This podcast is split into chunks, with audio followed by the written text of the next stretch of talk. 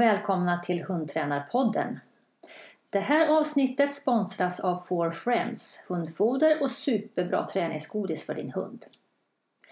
I det här avsnittet kommer Maria och jag att ge dig fem praktiska tips som gör din träning bättre och även fem sätt att tänka som förbättrar träningskvaliteten. Det här kan du använda oavsett vilken hundsportgren som du tränar för att eh, det passar nog för alla. Tror vi. Tips nummer ett. Träna. Det kanske är ett lite konstigt tips kan man tycka.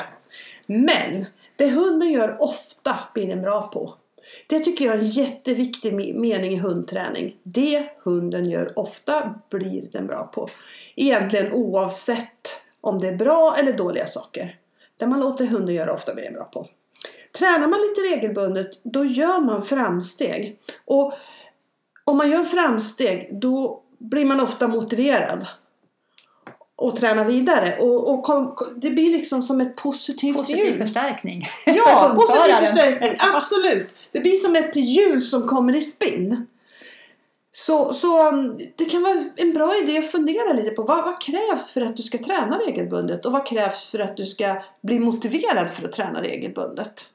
Och det här behöver ju inte vara att man tränar flera timmar om dagen utan några små korta, korta pass varje dag ger jättestor skillnad faktiskt. Men jag tänker, det är ju lätt att vara motiverad eh, som, som hundtränare när det flyter på, men det är ju inte alltid det gör det. Hur, hur tänker du när, det, när, det, när du stöter på patrull, när det känns motigt? Hur hittar man motivationen då? Hur, hur hittar du motivationen? Jag försöker egentligen träna vidare och försöker hitta på, liksom bara inte fortsätta mala på utan försöka hitta någonting. Kanske göra det enklare eller hitta någonting så jag kan få till det som, som jag vill. I alla fall så är det kanske viktigt att det inte bara fortsätta och göra samma sak utan faktiskt att man ändrar på någonting. Du menar att man hamnar i den här berömda negativa spiralen som bara drar en neråt utan att man försöker bryta den? Att man försöker sätt. bryta den. Mm. Och jag tror faktiskt att det är så att de flesta lösningarna kommer man på i träningen. Ibland är det lite lätt att man tänker ja men jag ska gå hem och tänka på det här. Men jag tror faktiskt att jag aldrig har fått några riktigt bra idéer när jag har tänkt i hundträning. Däremot har jag fått mycket bra idéer när jag har testat och experimenterat. Så jag tror att man ska våga göra det lite grann också. För det gör inte så himla mycket om det blir fel en eller två gånger. Däremot om jag fortsätter göra någonting som kanske inte var så bra i träningen 500 gånger. Då blir det problem. Tanketips nummer ett handlar om planering. Och det här kanske låter nu som att jag säger tvärt emot dig Maria när jag säger att tänk igenom vad du ska träna och varför innan träningen och inte under. Håller med, det är, det är inte alls emot utan det, det, är lite en annan sak tycker jag. Planera och tänka, det, det ska man absolut göra. Men man, man ska göra det i samband med att man gör. Liksom. Precis, mm. exakt. Eh, för jag tror att hundträning handlar ju mycket om att vara här och nu.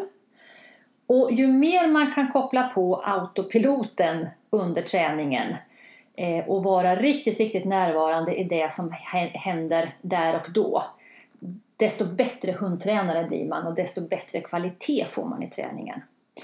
Så att börja planera träningen under själva träningspasset tror jag är en ganska dålig idé om man vill hålla hög kvalitet i träningen.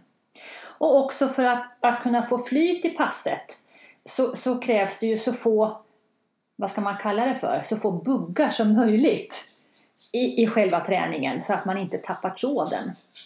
Eh, för i träningen tycker jag det gäller att, att kunna fokusera på kommunikationen med hunden så att man förstår vad den säger eh, eh, vad, den, vad den vill tala om genom sitt sätt att, att agera. Och likaså det här med att analysera träningen. Det vill jag också göra efteråt. Försöka hålla huvudet så kallt som möjligt under själva passet så att jag helst inte lägger in så mycket känslor i själva träningsbiten. Det här är jättesvårt. Därför hundträning är ganska känsloladdat för många av oss. Därför att vi, vi tycker så himla mycket om vår hund. Vi vill så gärna att det ska gå bra. Vi vill få en god känsla tillsammans med hunden och när vi inte får det så tar vi det gärna lite personligt kan jag uppleva. Håller du med?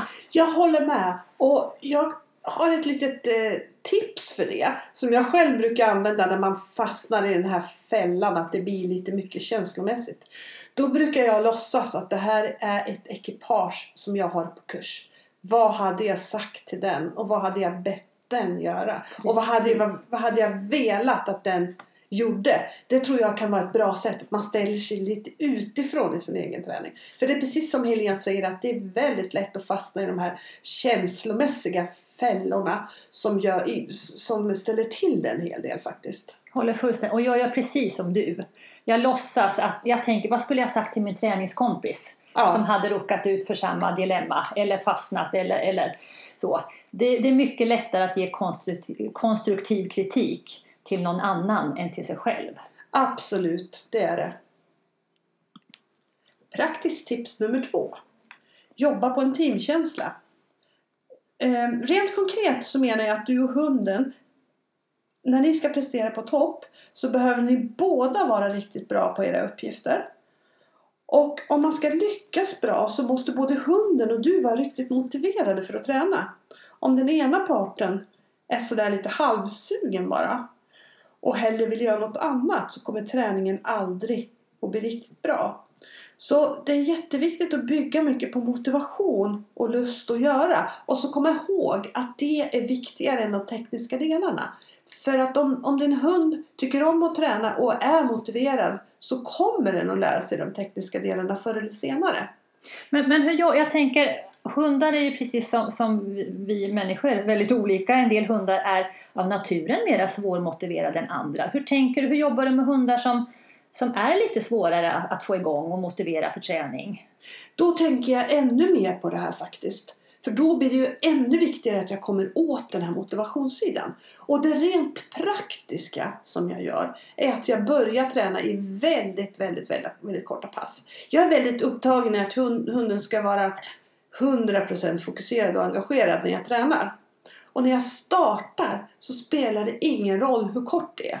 Det, det räcker om jag kan få till 15-30 sekunder, 15-30 sekunder med, med, med, med, med att hunden är med mig. Mm. Det är en jättebra början, bara att den verkligen är med hela tiden. Mm. Så börja i riktigt korta pass. Det är, det är mitt tips om man har en hund som är lite svårmotiverad. Tanketips nummer två. Eh, och jag spinner lite vidare på Marias tanke om teamkänsla.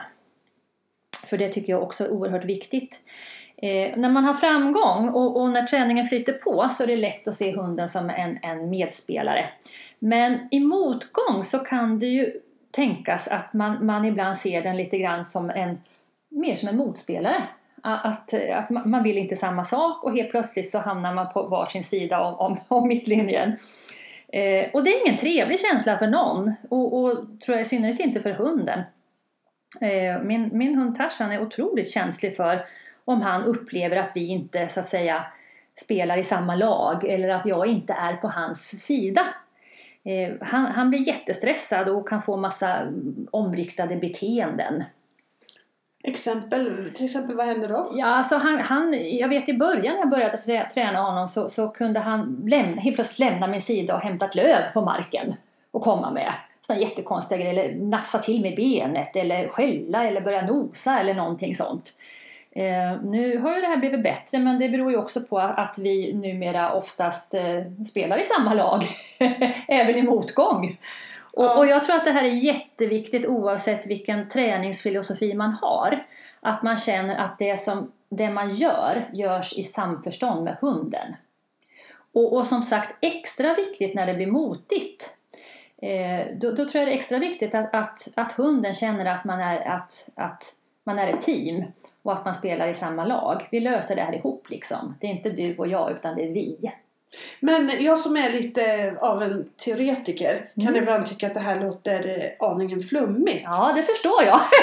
Rent konkret, vad menar du att man ska göra då? Jag försöker, i det fallet så försöker jag eh, tänka som hunden. Jag försöker sätta mig in i hundens hjärna. Varför gör den så här? Eh, är det för att den inte förstår? Är det för att jag är otydlig? Är det för att det är för mycket störningar runt omkring och hunden inte klarar av att sortera? Eller vad beror det här på? För att jag tycker, kan man bara... Problem stöter vi alltid på i träningen, men om man förstår varför man får ett problem, då, då blir det mycket lättare att hantera det tycker jag, även mentalt. Mm. Istället för att tänka gud vad du är korkad, det här har vi ju tränat på massor med gånger, det här borde du kunna, det är en sån här typisk grej, det här borde hunden kunna för det här har den gjort så många gånger. Men om hunden verkligen kan det, då tror jag den gör det. Och gör den det inte så beror det på någonting. Inte att den jävlas eller att den är korkad eller något sånt, utan det finns en anledning. Och det är den anledningen jag försöker att hitta då för att kunna hantera just, just den situationen. Mm. Och det här som vi har pratat om nu, det är någonting som jag tror att vi kommer att återkomma till ganska många gånger i den här podden. Mm. För, för det är nämligen så här att hundarna de ser och uppfattar saker väldigt annorlunda än vad vi gör. Och det är väldigt lätt när man, när man pratar om vad hunden kan och bör kunna och har kunnat. Att man sätter det i ett väldigt mänskligt perspektiv. Absolut. Och det ställer till en massa i hundträningen. För, för hundarna fungerar inte riktigt på samma sätt som vi gör. Framförallt inte när det gäller inlärning och ta till sig kunskaper. Praktiskt tips nummer tre. Se till att få mycket mer rätt än fel. Tillbaka som, som, om, till det som jag pratade om eh, på punkt nummer ett. Det hunden gör ofta blir den bra på. Det gäller dessvärre även för sånt som vi inte vill att hunden ska göra. En bra regel i träningen kan vara att blir det mer än två fel så stanna upp och gör något. Gör det enklare eller byt strategi. Kan du ge exempel? Jag kan ge ett exempel på ett väldigt misslyckat upplägg som jag gjorde på en av mina tidigare hundar. Mm. Eh, jag, fick för mig att han skulle liksom klara allting själv. Jag hjälpte honom inte. Han skulle lösa allting på själv. Så blev det något problem så ville jag verkligen att han skulle lösa det. Um, sprang han fel till rutan till exempel så kunde jag låta honom springa fel 29 gånger. Och han sprang fortfarande. Det var en väldigt lättmotiverad och lättsprungen hund så han hade, inte emot, hade ingenting emot att springa till rutan väldigt många gånger. Och till slut vart det ju rätt. Men om vi nu ska säga att hunden är bra på det den har tränat på. Vad gick jag ifrån? Mm. I det här träningspasset, vad, vilken sida hade jag fyllt på? 29 misslyckade försök och ett rätt. Ja. Även om man då inte belönar det som inte lyckades så blir det ju väldigt, ett väldigt tydligt felmönster i hundens hjärna. Absolut. Eh, det, det var ett, eh, ett ganska... Det, det var mycket dålig träning tycker jag. Så kommer jag aldrig någonsin mer att göra igen. Och nu för tiden är jag mycket, mycket mer noggrann med att följa det här. Att, att blir det fel, stanna upp. Se till att det blir lag, betydligt mer rätt mm. än fel i mm. träningen. Mm. Tanketips 3. Visualisera. Och vad är då visualisera? Eh, kort kan man väl förklara det som att man, man ser en bild i sitt huvud av det man vill uppnå. Eh, och jag tänker att visualisering är ett sätt att öka rättprocenten i träningen, precis som du var inne på när det gällde att få många lyckade praktiska eh, träningstillfällen så kan man få till det även genom att visualisera mentalt. Och det här är lite intressant för att i början av 70-talet tror jag det var så gjorde man ett experiment på GH, Gymnastik och idrottshögskolan där man delade in eleverna i tre grupper och samtliga elever fick skjuta ett antal straffskott i, jag tror det var basket, eller straffkast kanske det heter i basket. Eh, sen väntade man 14 dagar och under den tiden så fick den första gruppen varken träna eller tänka på straffkast i basket. Och den gruppen den låg kvar på samma eh, lyckande procent som de gjorde från början. Grupp 2 de fick jobba och träna praktiskt genom att träna, jag tror det var 30 kast per dag. Och den gruppen efter 14 dagar så hade den gruppen förbättrat sin rättprocent avsevärt. Jag kommer inte ihåg hur många procent de hade, hade ökat med, men det var i alla fall en klar förbättring. Den tredje gruppen, de fick inte träna praktiskt alls. Men däremot så fick de visualisera 30 lyckade straffkast i sitt huvud under den här 14 dagars perioden. Och den gruppen hade förbättrats lika mycket som grupp 2 som hade tränat praktiskt varje dag. Det här tycker jag är intressant. Hur tänker du att man skulle kunna omsätta det här i hundträning då? Alltså jag tänker att man i princip skulle kunna visualisera nästan vad som helst i träningen. Allt ifrån en, en eh, specifik handling i agilityn, en omdirigering i jakten, en, en synkad rörelse i eh, säg freestylen eller ett, ett, ett härligt fritt följ i lydnaden. Allt går ju att visualisera. Eh, jag, jag, tror inte, jag kan inte komma på någonting som man inte skulle kunna ha som målbild i huvudet och visualisera. Eh, och, och, det här är, är, ju, är ju väldigt intressant och någonting som idrottsmän och kvinnor använder sig över, av i, i, i nästan alla sammanhang när man mm. är på elitnivå. Absolut. Gör du det här ofta själv? Visualiserar alltså? Eh, kanske inte så ofta som jag egentligen borde. Jag vet en period så, så var jag duktig på att jag gick programmet, lydnadsprogrammet, ofta utan hund. Och tänkte mig hur jag ville att varje del, eh, både i momenten och mellan momenten, skulle se ut och kännas. Ehm, och det var väldigt nyttigt. Jag gör det inte lika ofta nu för tiden, men jag kanske ska ta upp det igen. Eh, däremot så visualiserar jag ofta eh, kort innan ett moment hur jag vill att det ska se ut, både på tävling och träning. Och det går ju väldigt snabbt i huvudet, men att jag, jag har liksom en, en en, bild för hur jag vill att, en målbild att sträva efter. Eh, och det här är också lite intressant, du var ju inne på det här med rätt procent. Och det tycker jag är, är spännande även ur en mental aspekt. För att precis i början när man tränar vissa saker, oavsett om det har med hundträning eller, straffkast i basket att göra, så blir det ju i regel mera fel än rätt. Precis Absolut. I början. Absolut. Och då kan man ju fråga sig hur det kommer att man ändå hur kommer det sig att man ändå utvecklas åt rätt håll? För att om man blir bra på det man tränar och det blir mycket fel till en början så borde man ju logiskt sett förstärka felen, kan man ju tycka. Och det här är, Eh, visualiseringen kommer in i bilden. För att om man har en målbild i huvudet av hur man vill att det ska se ut så blir det den bilden som man strävar mot genom att justera lite här och där eh, så att man hela tiden närmar sig just den målbilden.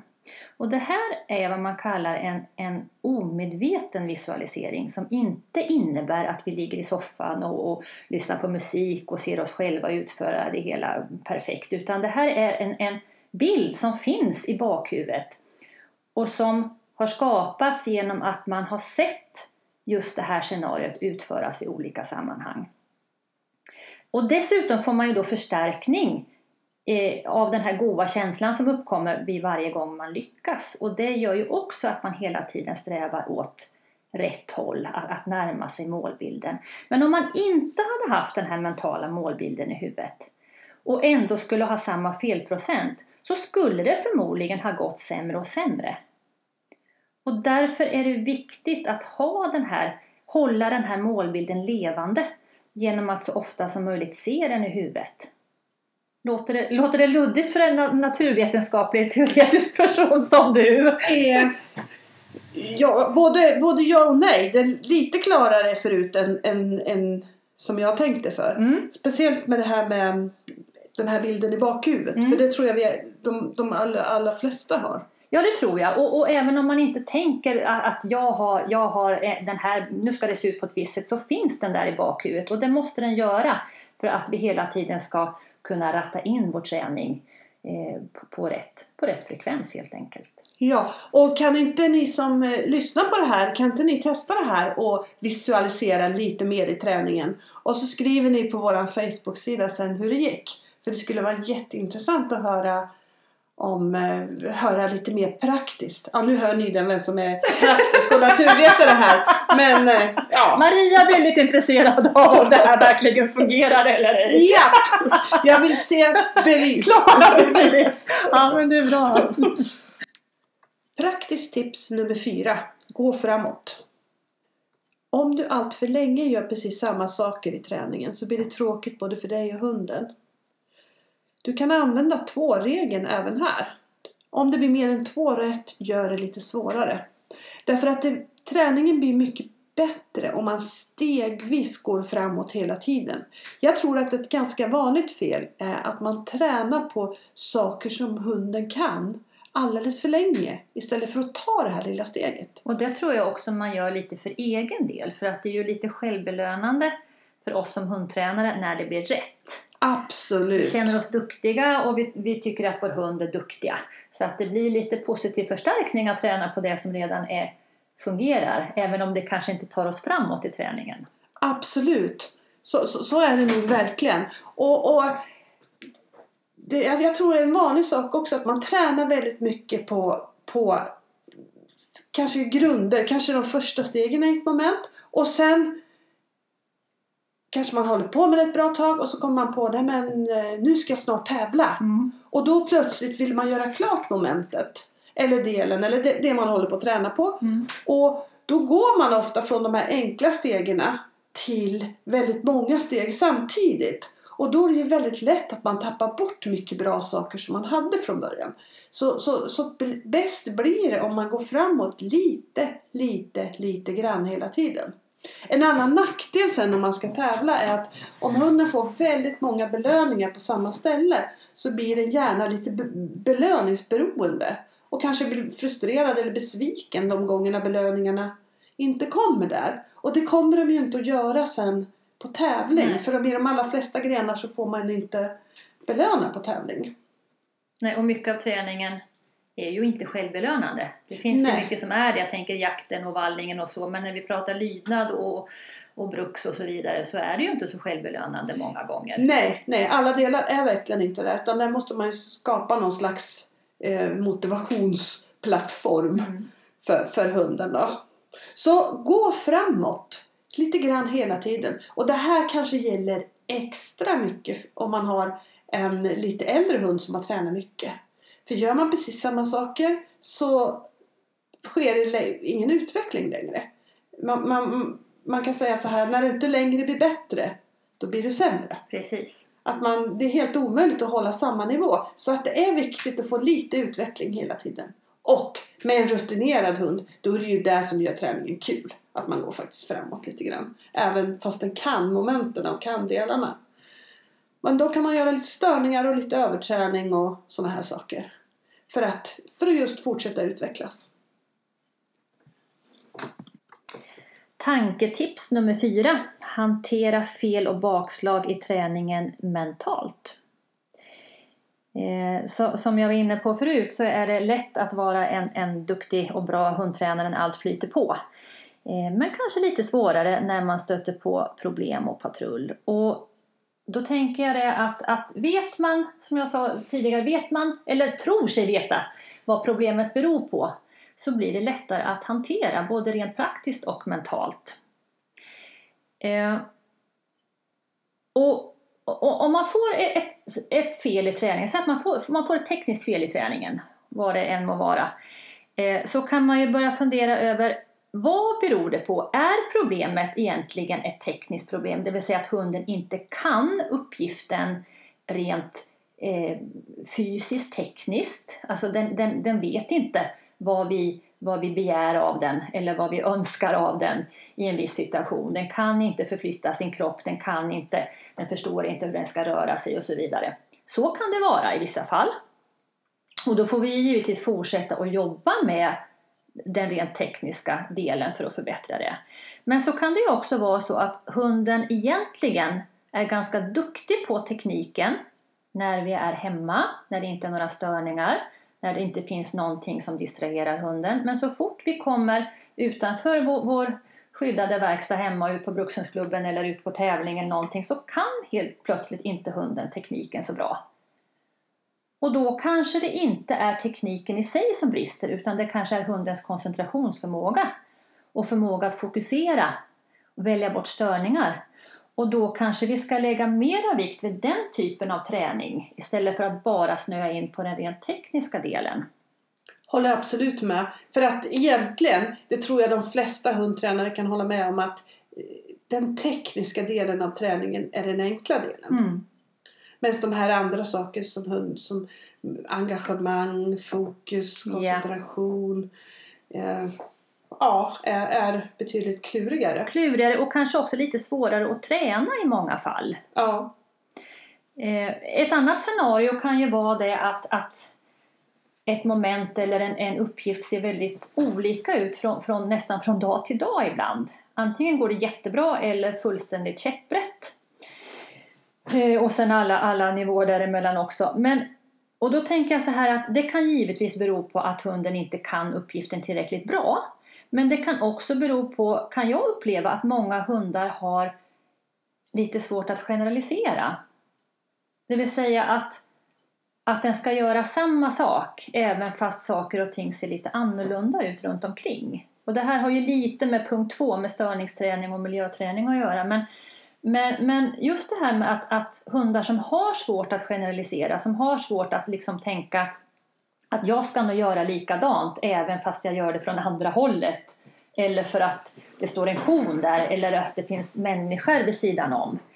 Den typen av hund kanske man ska tänka på att man ändrar lite med. Alltså man ändrar miljön lite grann, man ändrar på uppgifterna lite grann i varje repetition. Så att hunden liksom successivt lär sig att, att generalisera träningen. tror jag är jätteviktigt. För att det är en sån här sak som jag tror att, att det är många hundtränare som för, förutsätter att hunden är lika bra på att generalisera som, man vi själva är. Ja, precis. Man tänker mänskligt. Ja, och vi människor är ju asbra på att generalisera. Mm. Vi kan plocka med vår kunskap överallt och använda den. Men det är inte riktigt samma sak för hunden. Nej, och viss, vissa hundar är bättre på det än andra kan jag uppleva. Ja, håller helt med.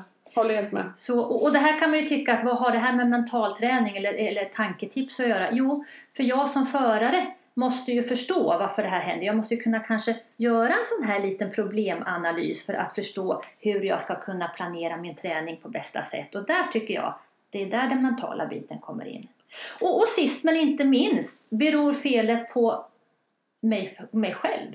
Är det ett pilotfel? Är det jag som förare som är otydlig? Är det jag som har lagt upp träningen fel? Ger jag hunden dubbla budskap genom att jag kanske säger mitt kommando men hela min kropp och min, min mimik förmedlar något helt annat? Vilket gör hunden givetvis osäker. Det här är, tror jag är någonting som man ska tänka mycket, mycket, mycket mer på i träningen. Kom ihåg den här team, teamkänslan. Att vi är två stycken som spelar i laget. Mm. Om det ska bli ett riktigt bra lag så måste båda två vara jäkligt bra. Och det är långt ifrån alltid som vi själva är lika bra som vi förutsätter att hunden ska vara. Nej, men precis, vi tänker ju hundträning som att vi tränar våra hundar och, och det gör vi ju också. Men vi glömmer ju faktiskt bort att vi måste träna oss själva. Minst lika mycket, för det är ju faktiskt vi som styr träningen, åtminstone så borde det vara så. Ja men så är det ju. Ja. Absolut. Vi står ju för absolut det mesta i träningen. Ja. Det, det kan man inte komma ifrån. Så, så det finns, eh, jag tycker faktiskt det är kanske en av de delarna där det finns absolut mest utvecklingspotential. Mm. Och det är att, att träna sig själv på att bli bättre på olika delar. Ja, och bli medveten om de här grejerna. Sen att man gör fel ibland, det, det är ju en sak. Det är en annan men, sak. Ja, Ja. Men att man liksom uppmärksammar det och blir medveten om det och hela tiden försöker förbättra sig själv, det tror jag är oerhört viktigt. Håller helt med. Praktiskt tips nummer fem. Träna med kompisar. När man tränar med kompisar så kan man hjälpas åt med varje hunds träning. Man kan få mycket fler tankar och idéer. Och sist men inte minst, man blir ju en stor del kanske av någon annans framgång Sant. också. Vilket Mm. är jättekul tycker jag. Och träningskompisarna, en bra träningskompis lär ju känna min hund och mig på ett väldigt bra sätt. Som jag har stor nytta av i träningen om, om man stöter på patrull eller problem eller sådär. Då har man ju alltid någon att diskutera med som känner som känner oss båda bra. Mm. Har, du, har, du mycket, har du haft mycket hjälp av dina träningskompisar i, i, din, i din träning? Och... Otroligt Utveckling. mycket hjälp. Mm. Otroligt mycket hjälp. Både liksom eh, rent fysisk feedback Mm. och också mental feedback. Och framförallt så tycker jag att det här har varit extra viktigt när det närmar sig stora tävlingar. För när man, när man närmar sig stora tävlingar så är det ju rätt lätt att hamna i någonting som i alla fall mina kompisar kallar för SM-noja ja, Och det är när man plötsligt börjar tycka att eh, inget funkar. inget är bra, Nej. inget är tillräckligt bra. Och allting är sådär lite halvkast och så börjar man krångla med saker och ting som egentligen inte alls behöver krånglas med. Och där tycker jag mina träningskompisar många gånger har faktiskt har gjort underverk genom att hålla tillbaka det där. Och faktiskt eh, ja, men hållit mig på, på rätt spår. Jag har väldigt lätt att hamna i den känslan när det börjar närma sig större Att, tävlingar. att inget är tillräckligt bra. Nej, precis. Nej. Precis. Och det som, man, som, som, tidigare, som jag tidigare var helt nöjd med tycker jag bara, nej men det här ser ju det ser ut som, det är superdåligt, herregud. Kommer få skämmas när jag kommer på SM. Hur kunde jag de- de kvala kommer- in till de- SM? Nej precis, de kommer tro att jag har fått SM-kvalet i julklapp eller något.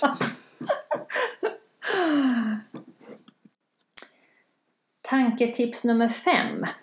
Och jag spinner vidare på din linje Maria. Eh, Det här med träningskamrater. Eh, Jag tänker också att man har ett eget ansvar så- som, som träningskompis. Eller man har ett eget ansvar gentemot sig själv. Eh, Att faktiskt tala om hur man vill ha eh, feedback just vid det tillfället. För även om, om man är en träningsgrupp och man känner varandra väl så kanske inte ens träningskompisar kan läsa ens tankar alla gånger.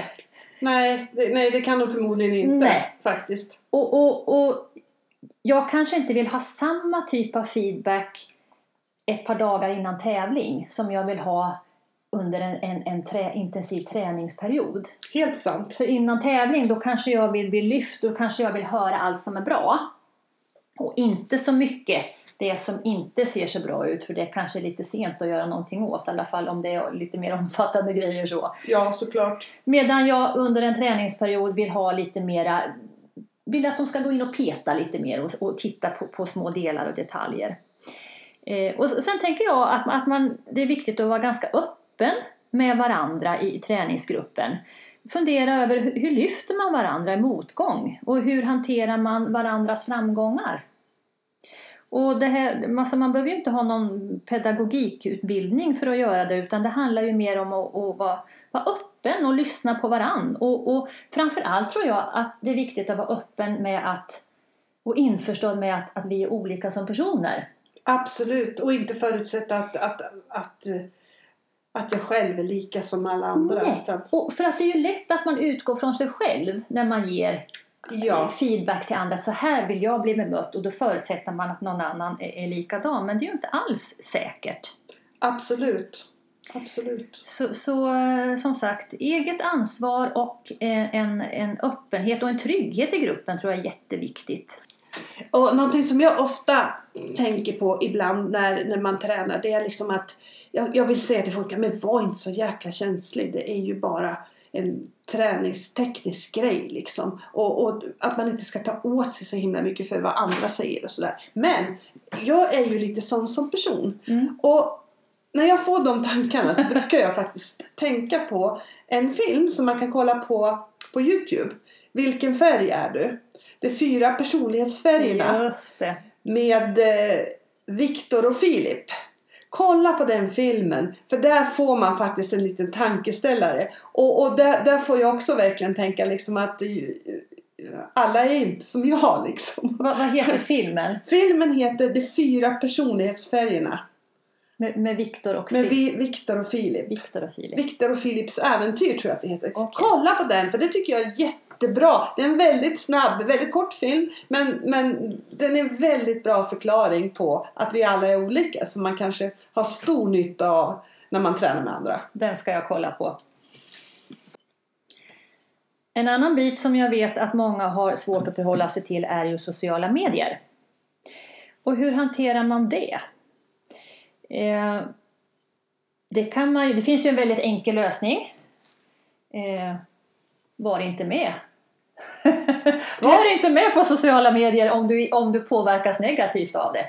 Det är ju egentligen den allra bästa, bästa lösningen.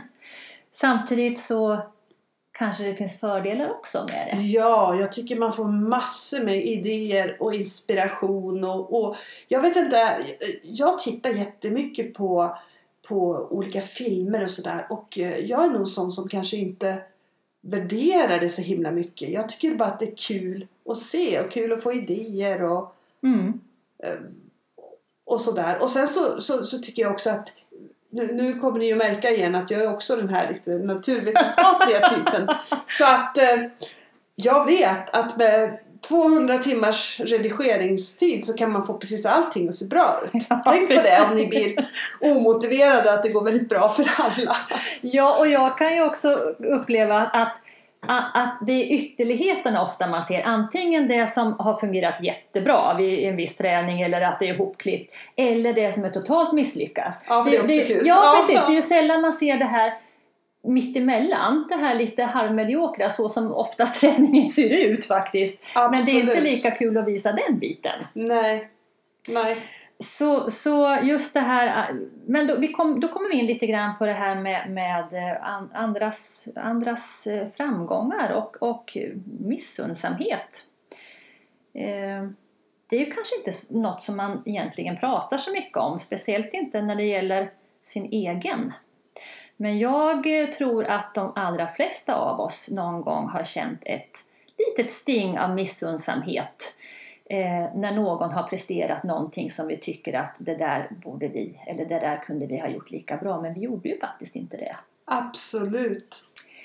Eh, och, och om vi nu ska tänka lite, tänka lite mentalträning så handlar det ju faktiskt om att kunna vända den här känslan till någonting som kanske sporrar en lite grann istället för att sänka en. Att kunna bli lite peppad av andras framgångar istället. Och, och framförallt känna att jag är ju inte sämre för att någon annan lyckas bra. Jag blir ju inte sämre för att någon annan är, är bättre just vid det tillfället. Nej. Nej. Utan kan, kan hon eller han så kan jag. Ja, så är det ju faktiskt. Så, så vi bestämmer ju faktiskt själva vad vi vill tänka och känna. Det är ju lättare sagt än gjort, men det här är också väldigt träningsbart. Att kunna, kunna vända en negativ tanke till någonting neutralt eller till och med till någonting positivt som, som, som sporrar en och som, som lyfter en. Men, men då, då undrar jag naturligtvis rent praktiskt, hur gör man det? Ja, du ställer så svåra frågor Maria. eh, alltså, det är väl så att ibland, ibland lyckas man, ibland inte. Och det gäller alla. Och man kan väl kanske tänka så att, att förhoppningsvis så är det så att, att den här personen som lyckas har tränat riktigt bra och då kanske den, han eller hon förtjänar framgång. Svårare Ja. än så är det inte. Och, och jag tror att, att eh, alltså det, är, det är trevligare att kunna glädjas med varann än att känna missundsamhet. Det, Det det, tar det. mycket energi att gå och vara, vara missundsam och avundsjuk. Och jag känner själv att jag behöver all energi jag kan få till, till bra saker. Absolut. Och av rent energitekniska...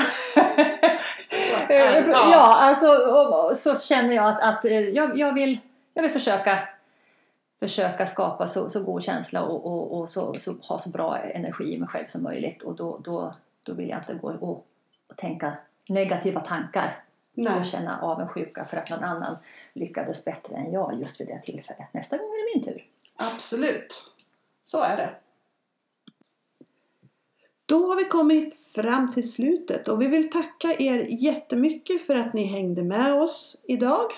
Och om ni har frågor eller funderingar eller förslag på ämnen som ni vill att vi tar upp, kommentera gärna på vår Facebook-sida. Och detta program var sponsrat av Four Friends, hundfoder och superbra träningsgodis. Tack och hej! Tack och hej! Just det, jag måste komma ihåg att du ska vara